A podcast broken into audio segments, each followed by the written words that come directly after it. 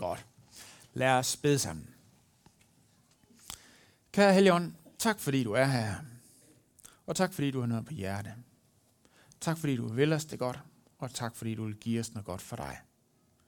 Vi er bare åbne for, hvad du har til os fra dit ord, både til os her og til børnene, som du også vil velsigne. Tak, Jesus. Amen. Har I drukket jeres kaffe? Nå, jeg er 39 år. Oh. Det betyder, det betyder, at næste år, så bliver jeg 40. Jeg kan ikke lige huske, hvad der kommer efter i den her ramse, men 40 i hvert fald. Og det betyder jo, at jeg godt kan begynde at forberede mig på midtvejskrisen. Hurra. Eller 40-årskrisen, som den også kaldes. Øh, midtvejskrisen er et fænomen, som rammer 80% af alle mænd og kvinder. Så den rammer bredt. Den rammer i en alder fra 35 til 55 år. Den rammer kvinder lidt før mænd. For kvinder så tager den mellem 2 og 5 år. For mænd tager den mellem 3 og 10 år. Det er statistiske data. Og øh, for kvinder er den primært biologisk betinget, og for mænd er den mere psykologisk betinget. Og øh, øh, psykoterapeut og seksolog Holger Spangsgaard skriver, at den har følgende kendetegn. Du erkender, at du ikke er ung længere, og at livet ikke var evigt. Du begynder at stille spørgsmål til din eksistens. Har jeg opnået det, jeg ville? Hvad er meningen med mit liv? Burde jeg have valgt en anden karriere? Tanker om døden, følelsesmæssige nedture, vrede, irritation eller depression. En pludselig øget interesse i din krop, helbred, udseende osv. Øget interesse for spiritualitet og personlig udvikling, og du oplever gamle interesser for barndommen og ungdommen. Det betyder, at hvis du lægger mærke til i dit eget eller nogen jævnaldrendes liv, at de lige pludselig begynder at dyrke maraton, eller skifter partneren ud med en yngre model, eller skifter job, eller køber en motorcykel, eller en traktor, så kunne det være, at det havde noget med det at gøre. Oplevelsen er, at hov, tiden og livet forsvinder for mig. Og jeg må gøre alt, hvad jeg kan, for at det ikke render ud mellem fingrene på mig som, som sand.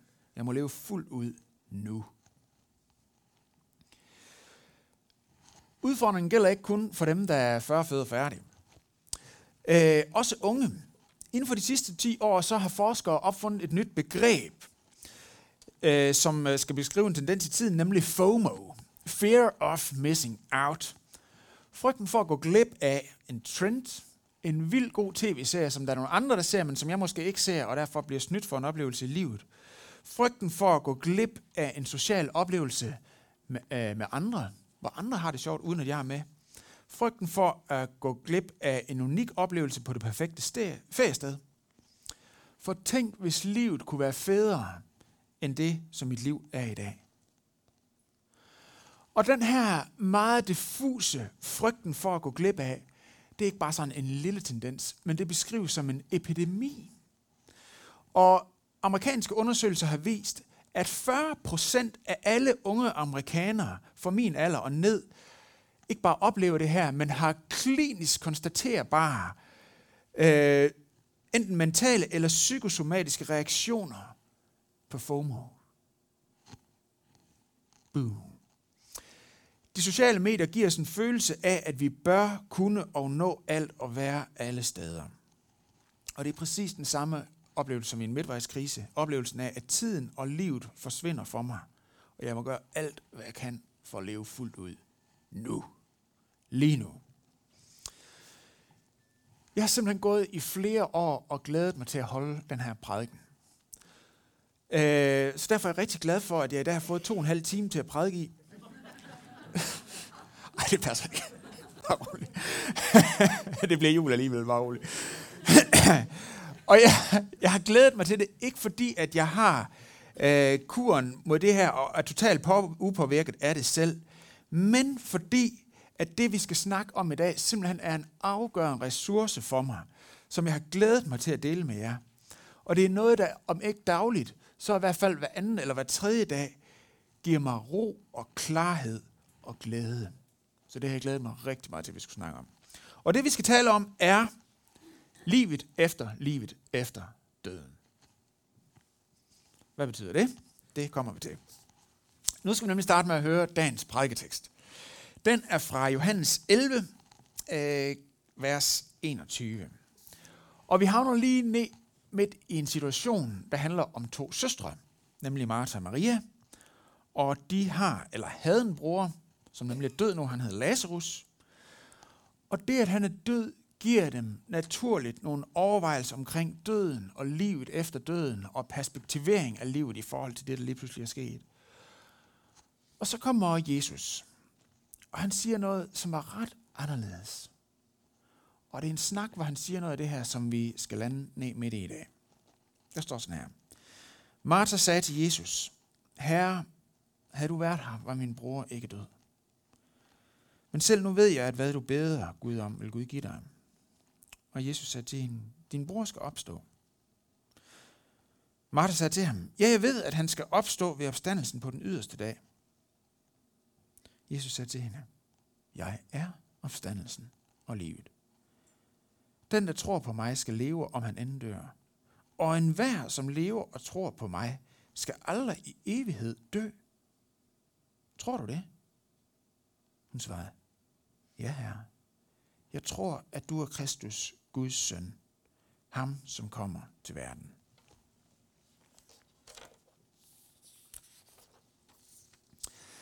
Er der et liv efter døden? Ja, det øh, siger vi i trosbekendelsen, vi slutter med, og det evige liv. Det tror vi på. Vi tror på, at der er et liv efter døden. Og øh, vi siger også i trosbegrundelsen, at vi tror på, at Jesus skal komme igen for at dømme levende og døde. Men det er så ikke sket endnu. Og så er spørgsmålet, hvad sker der indtil da? Hvis man dør nu, før her Jesus han kommer igen, hvad sker der så? Jamen i teksten, prædiketeksten vi læste, der står der, den, Jesus siger, den der tror på mig, skal leve, om han end dør. Og Paulus han skriver i et af sine breve til en menika i Thessalonika, han skriver, for så sandt som vi tror, at Jesus døde og opstod, vil Gud også ved Jesus føre de hensovne sammen med ham. Når vi dør, så kommer vores krop til at ligge på kirkegården, og øh, vores sjæl og vores ånd vil være i en mellemtilstand, indtil Jesus han kommer igen. I Lukas evangeliet kapitel 23, der hører vi, Jesus siger til den røver, der hænger på korset ved siden af ham, og netop beder om, om at få lov til at høre sammen med Jesus, så siger han, Sandelig siger jeg dig, i dag skal du være med mig i paradis. Og i Filipperbrevet kapitel 1 beskriver Paulus øh, det sådan her. Det trækkes i mig fra begge sider. Jeg længes efter at bryde op og være sammen med Kristus. Men hvad er det for en mellemtilstand, der er fra vi dør og til Jesus kommer igen? Har vi været sammen med Jesus her i livet, så vil vi også være sammen med Jesus i livet efter døden. Det er ganske tydeligt ud fra de tekster her. Og det er også tydeligt, at har vi ikke været sammen med Jesus i livet her, så vil vi heller ikke være sammen med ham i livet efter døden. Men hvad, hvad ved vi mere? Jeg tror, at for mange af os, så flyder de her begreber, det evige liv, himlen, den nye jord, sådan lidt sammen i en eller anden form for grød, hvor vi ikke lige sådan, hvad er lige hvad? Og det bliver noget utydeligt. Og helt galt går det, når vi kommer ud på øh, forestillingernes overdrev, som, øh, som jeg mener, vi er i den her ellers dejlige julesang, øh, Barn er født i Bethlehem, hvor det i et af versene lyder, og man kan se, at folk sidder og synger det øh, med et smil på læben. Der vorter engle vi som de. Vi som de. Og så slutter vi sandelig af med halleluja. Det forstår jeg simpelthen ikke. Er det vores håb at blive til engle engang? Hvor der, hvor der, hvor der i engle? Hvad? Jeg kan godt sige, at det gør jeg ikke. Jeg var der en mand. Jeg er født og, og skabt som en mand, og jeg var der blev ved med at være en mand. Er det vores håb? Måske på en sky i himlen. Måske i hvidt tøj. Måske med en harpe. Hvem ved? Måske som en engel. Jeg spørger bare. Er det vores håb? Er det frelsen? Jeg kan sige med 100% sikkerhed, vi der ikke engle. Bare rolig. det kommer ikke til at ske. Men ellers står Bibelens beskrivelse om himlen faktisk ret sparsom. Den her mellemtilstand. Og udfordringen er, at et håb, der er ret ukonkret, ikke kommer til at betyde særlig meget for vores tilværelse her nu. Det betyder ikke meget for vores forventning. Der er ikke meget energizing over det. Der er ikke meget glæde. Mine børn, de glæder sig helt vildt til jul. Og det har de gjort også i oktober og november måned. Og det er fordi, de ved, hvad jul det drejer sig om. De har oplevet det før. De ved konkret, hvad det er. De ved, hvordan det er i advent. De ved, hvordan det er med juleaften. De ved, hvad der sker. Og øh, det er derfor, de glæder sig til julen. Det er fordi, det er konkret for dem. De ved, hvad det drejer sig om. Vi tror på et liv efter døden, men faktisk så er Bibelens beskrivelse af det liv efter døden ret ukonkret. Det er ikke så detaljeret. Men vi tror også på et liv efter livet efter døden. Et liv efter livet efter døden. Vi siger i trosbekendelsen, som vi lige har sagt, vi tror på kødets opstandelse og det evige liv. Kødets opstandelse. I Matthæus 25, der siger Jesus, når menneskesønnen kommer i sin herlighed, det er altså, når Jesus han kommer igen, ikke også? Og alle englene med ham, der skal han tage sæde på sin herlighedstrone, og alle folkeslagene skal samles foran ham, og han skal skille dem, som en hørte skiller forne fra bukkene. Og andre steder i Bibelen, der står der beskrevet om, hvordan alle, der døde, skal stå op igen. Og vi skal samles foran Jesu trone. Og der står faktisk også beskrevet, hvordan at det skal foregå, det med, at vi står op igen. Kødets opstandelse. Vi skal få en krop igen. Og det, der går igen hver eneste gang, at der beskrives noget omkring det her, det er, at Jesu opstandelse er prototypen.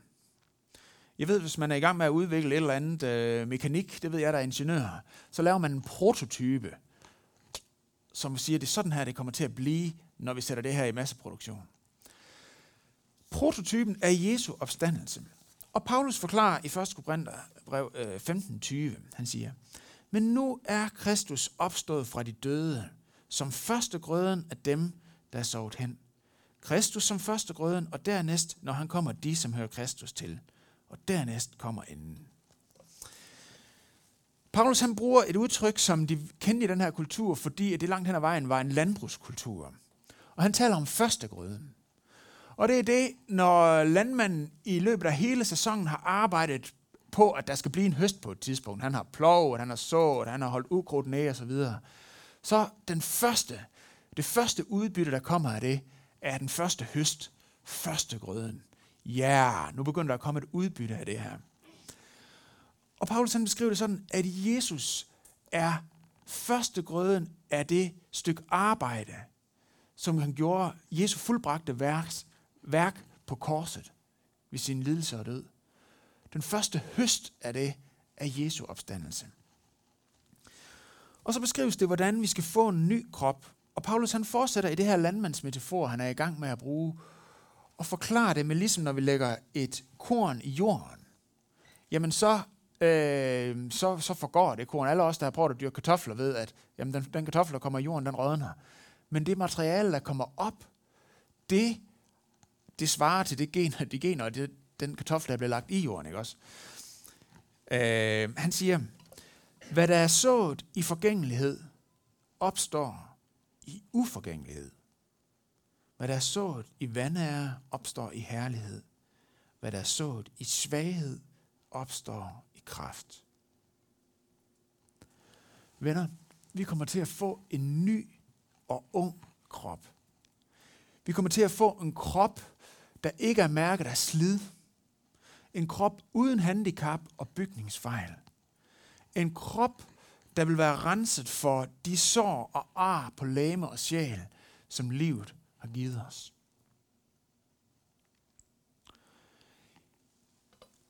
I teksten til i dag, så svarer Martha, ja herre, siger hun til Jesus. Jeg tror, du er Kristus, Guds søn, han som kommer til verden. Og der er noget utroligt vigtigt i den retning. Han som kommer til verden. Da Jesus han lærer sine disciple at bede, så lærer han dem at bede, ske din vilje, som i himlen, således også på jorden. Frelsen er ikke en redning væk fra jorden, op i en ikke-fysisk, kropløs, kun åndelig himmel. I Johannes Hans åbenbaring, der beskrives den samme retning, når der, når der beskrives, hvad det er, der vil ske på den dag, hvor Jesus han kommer igen. Der står sådan her. Kommer lidt længere stykke her. Johannes han beskriver, og jeg så en ny himmel og en ny jord. For den første himmel og den første jord forsvandt, og havet findes ikke mere. Og den hellige by, det nye Jerusalem, så jeg komme ned fra himlen. Fra Gud reddet som en brud, der er smykket for sin brudgom. Og jeg hørte en høj røst sige, nu er Guds bolig hos menneskene. Han vil bo hos dem, og de skal være hans folk, og Gud vil selv være hos dem. Han vil tørre hver tårer af deres øjne. Og døden skal ikke være mere. Ej heller sorg, ej heller skrig, ej heller pine skal være mere. For det, der var før, er forsvundet. Og han, der sidder på tronen, sagde, se, jeg gør alting nyt. Venner, vi blev skabt til at leve i paradisets have. Kender vi fra Bibelens første sider. Vi blev ikke skabt som engle. Vi blev skabt som mænd. Vi blev skabt som kvinder. Og det var ikke en midlertidig fejl, for at vi skulle lave om til engle. Det var for, at vi skulle være mænd, og det var for, at vi skulle være kvinder. Og så blev vi skabt til at arbejde, virke, være engageret og skabe kultur. Jesus han sagde til, nej, Gud sagde til Adam og Eva, bliv frugtbare, talrige, opfyld jorden og underlæg jer den. Det er det, der kaldes kulturbefalingen. En, øh, en befaling om at virke og være engageret i livet på jorden. Og i kapitel 2 i 1. Mosebog siger Gud, at mennesket skal dyrke og vogte haven. Efter prædikenen i dag, der skal vi synge en fantastisk adventssalme, der er skrevet om en profeti fra Isaias bog, kapitel 35. Den hedder Blomstre som en rosengård, skal de øde vange. Og den handler om Messias-tiden, hvordan Gud han vil genskabe og genoprette skaberværket. Frelsen er ikke en, en frelse væk fra det, som Gud han skabte, som om det var en fejl, men det er en rensning, en genskabelse, en forløsning. Så det Gud han har skabt, det igen bliver ligesom det var på skabelsens morgen. Frelsen er ikke en frelse væk fra jorden, men Gud, der bringer himlen ned til jorden. Himlen, hvor alt er godt, skal igen komme ned på jorden. Nærværet med Gud, som det er i himlen i dag, skal blive sådan igen på jorden. Og han siger til sine disciple, bed som i himlen, således også på jorden. For det er det, der drejer sig om. Jeg er så glad for det her. Jeg er så glad for det evige liv. For ved I hvad? Der er så mange ting, jeg gerne vil i det her liv. Jeg synes, det er et fantastisk liv, som Gud han har skabt til os. Og der er så mange ting, jeg gerne vil nå. Der er så mange ting, jeg gerne vil have indsigt i. Så mange ting, jeg gerne vil lære. Jeg kunne så godt tænke mig at læse sociologi, eller historie, eller læse bygningsingeniør. Jeg kunne så godt tænke mig at starte forskellige virksomheder, som jeg har idéer til. Og der er så mange håndværk, som jeg ikke har lært endnu, som jeg gerne vil lære. Jeg elsker, nu, nu kørte vi ud på lederdøgn her i weekenden, og så snakker jeg med Thomas, og så fortæller han om de ting, han ved som maskiningeniør, og varmetabsberegninger, og alt sådan noget. Jeg tænker wow, det er en hel verden. Jeg ved kun så lidt om det. Jeg synes, der er så mange spændende ting, som vi kan engagere os i. Der er så mange ting, jeg gerne vil opleve. Og ved I hvad? Næsten hver uge, så er der folk, der siger til mig, ej, Mads Peter, har du ikke jagttegn? Det, det var da fuldstændig oplagt for dig at have jagttegn. Det er da noget af det mest fantastiske, man, og det, du, det, lige, det, det, dine interesser, det passer lige til at have jagttegn. Hvorfor har du ikke jagttegn, Mads Peter? Det, kan da, det, det burde jeg da have. Jeg vil da vildt gerne have jagttegn. Men ved I hvad? Jeg når det nok. Jeg er sikker på, at jeg når det. Der er så mange ting, jeg gerne vil nå, og jeg skal nok nå det. Jeg har ikke bare tiden foran mig, jeg har evigheden foran mig. Jeg skal nok nå det. Ved I hvad? Jeg er så glad for, at mit liv ikke kommer til at slutte en dag. Mit liv, det slutter ikke. Og de ting, jeg laver nu, dem laver jeg, fordi at det er det, jeg er overbevist om, der er vigtigst i den her sæson. Og så laver jeg også nogle sjove ting, som øh, det var måske ikke sådan lidt øh, øh, livsende vigtigt at nå, men det er der tid til nu. Der er masser af ting, der ikke er tid til, men det betyder ikke, at jeg ikke kommer til at nå det.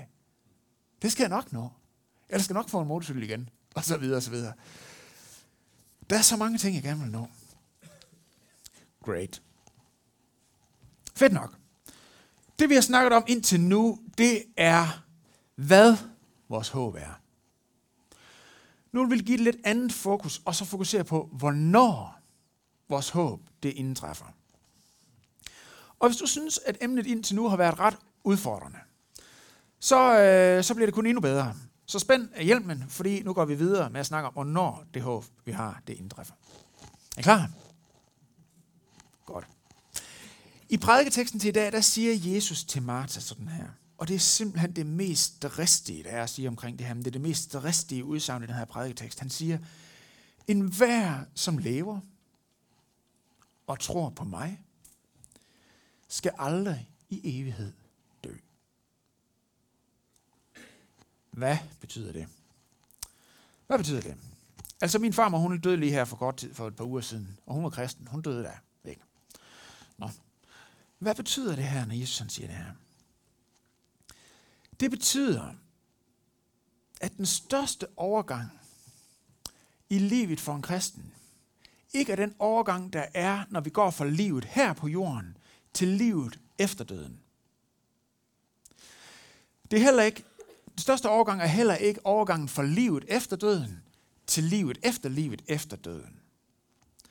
Den største overgang, vi overhovedet kan komme til at opleve og tage del i som mennesker – at det, der sker, når et menneske ved tro og dåb bliver kristen, bliver Guds barn. Er du kristen, så er du nemlig begyndt på det evige liv sammen med Jesus. Og det håb, Gud har givet dig, er allerede påbegyndt. Det er endnu ikke fuldendt. Nej, det kan vi godt se. Vi bliver ældre og får grå hår og kommer i 40-årskriser. Hvad har vi? Det er ikke fuldendt, men det er påbegyndt. Guds plan er, at hans vilje skal ske for os som i himlen, således også på jorden. Hvis vores håb kun var for himlen en gang på et tidspunkt, eller en gang ude i fremtiden, så vil vores liv her nu primært være en venten en tårdal, vi skulle igennem, for at vi så kunne få lov til at forlade den her synkende skude. Og så skete der så det, det egentlig drejede sig om. Og det vil give en apati og en ligegyldighed i forhold til vores liv her nu. På den anden side, hvis vores liv og vores håb kun var for livet på jorden her og nu, så kunne vi med rette øh, konkludere, at jamen, så må alting dreje sig om livet her nu, og så må, og så må, så må forløsningen jo være her nu, og det vil betyde, at vi med rette med kunne forvente, at vi skulle være 100% lykkelige og opleve et 100% perfekt liv. Fordi så må alt, hvad der ikke er perfekt og ikke lykkeligt, så må det jo være en fejl. Og når vi så oplever de ting, så vil det medføre en desperation, og det vil medføre utallige tåbelige beslutninger. Jeg vil lige prøve at komme med nogle eksempler på, hvad vores håb betyder for vores liv nu. At vores håb ikke kun er for himlen en gang, ikke kun er for jorden her og nu, men at vores håb er en nyskabelse af himlen og jorden. Og de tre ting, jeg vil trække frem, er vores øh, forhold til vores krop, vores forhold til vores parforhold og vores forhold til vores arbejde. I forhold til vores krop først. Hvis vores håb kun var for himlen en gang, så vil det, hvis vi tænkte det igennem, give os et negativt forhold til vores krop. For det gamle skidt, det går jo kun tilbage, og det ender med, at vi rådner op, og så skal jeg videre. Så forlader jeg min krop. Bum. På den anden side, hvis vi forventer forløsningen på jorden her og nu, jamen så vil evig ungdom jo være en naturlig konsekvens af det. Og det må vi jo kunne forvente. Og det vil give en desperat tilgang til vores krop og et forsøg på at modvirke enhver form for aldring og forfald, vi kan se. Men hvis vores håb er en genoprettelse af skaberværket, altså også vores krop, så vil det betyde en værdighed over vores fysik også, vores krop. Men det vil samtidig betyde, at vi kunne leve med, at vi bliver ældre, at vi bliver mere slidt, at vi bliver svage. For jeg ved, at Guds ånd, det står i Romerne øh, 8:11, at Guds ånd, som oprejste Jesus, også bor i os, allerede bor i dig, og en dag vil oprejse din krop og give den nyt liv. Kan I se det? Lad os prøve at gå videre til parforholdet. Hvis vores øh, forventning er øh, forløsning her på jorden, så skal alt jo være perfekt. Og hvis det ikke er perfekt, så må det fordi der er noget galt. Så må vi simpelthen reagere på det her nu, fordi det skal, så skal det være perfekt, ikke? På den anden side, hvis vores håb kun er i himlen engang, jamen så, øh, så er ægteskab jo noget en midlertidig ordning. Og så kan det ikke rigtig betale sig at arbejde med sig selv og virkelig øh, gå i dybden med vores parforhold og sådan nogle ting. Men hvis vores håb er en genoprettelse af skaberværket, ja, så er vi godt nok stadigvæk begge to syndere.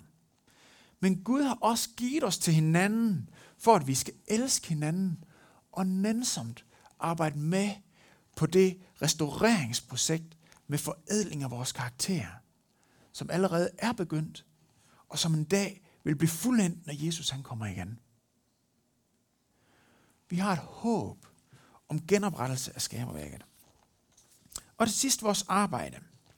Hvis vores håb kun er for himlen en gang, jamen så er arbejdet jo et nødvendigt onde her nu. Øh, et slid og et slæb med tjørn og tissel, som vi en dag skal blive fri for. På den anden side, hvis vores forventning er en forløsning her på jorden, ja, så er det jo virkelig skidt, hvis at øh, vores arbejde ikke giver os fuld tilfredsstillelse og fuld øh, Øh, alt muligt ting og sager. Og så vil vi også med rette kunne forvente, at vi gør det til perfektion. Fordi det at opleve, at tingene lykkes 100% her endnu, vil være et udtryk for, at forløsningen allerede er her, at frelsen allerede er her. Det giver dig et enormt pres på vores performance. Men hvis vi har et håb om genoprettelse af skaberværket, så giver vores arbejde her og nu også mening. Fordi vi er skabt til det her. Og jeg kan ære Gud med det, jeg gør allerede nu. Og jeg kan arbejde på at blive bedre med frimodighed. Men jeg bliver heller ikke mismodig, når jeg lægger mærke til, at det, som jeg kæmper med, at det klarer jeg ikke til perfektion. For jeg ved, jeg ved at en dag, så kommer jeg i mål. En dag vil det lykkes 100%. Fordi Gud vil komme igen og genoprette skaberværket. Og genoprette det, som gik i stykker engang. Vi har advendt. Og når vi fejrer advent, så er det en reorientering af vores håb i forhold til vores liv. En kalibrering, en justering af vores liv i forhold til det håb, vi har. Derfor er det en bodstid, en forberedelsestid i forhold til Jesu første komme i julen, hvor han påbegyndte sin redningsaktion. Det er det i forhold til Jesu anden komme, hvor han fuldender sin redningsaktion. Og det er det også i forhold til Jesu komme i vores hjerter, kan man tale om det på den måde. Når han ved troen inddrager os i sin redningsaktion for, i og gennem os. Og det håb, vi har, er om, at Guds vilje skal ske som i himlen, således også på jorden. Og det binder de tre aspekter så smukt sammen. At Guds håb er i gang med at udfolde sig. Det er allerede begyndt, men en dag skal det blive fuldendt. Så, hvad skal vi bruge advent til? Vi skal bruge advent til at løfte vores hoveder og leve med frimodighed. Fordi vi har læst den sidste side i bogen. Vi ved, hvordan det kommer til at ende. Vi ved, hvordan at Guds plan, som er begyndt, den vil slutte. Vi skal løbe, bruge adventstiden til at løfte vores hoveder og leve med formodighed. Så for det andet skal vi bruge adventstiden til at leve vist. Til at justere vores liv i lyset af det evige liv. Det evige liv, at Gud faktisk lige nu er i gang med en helt fantastisk redningsaktion.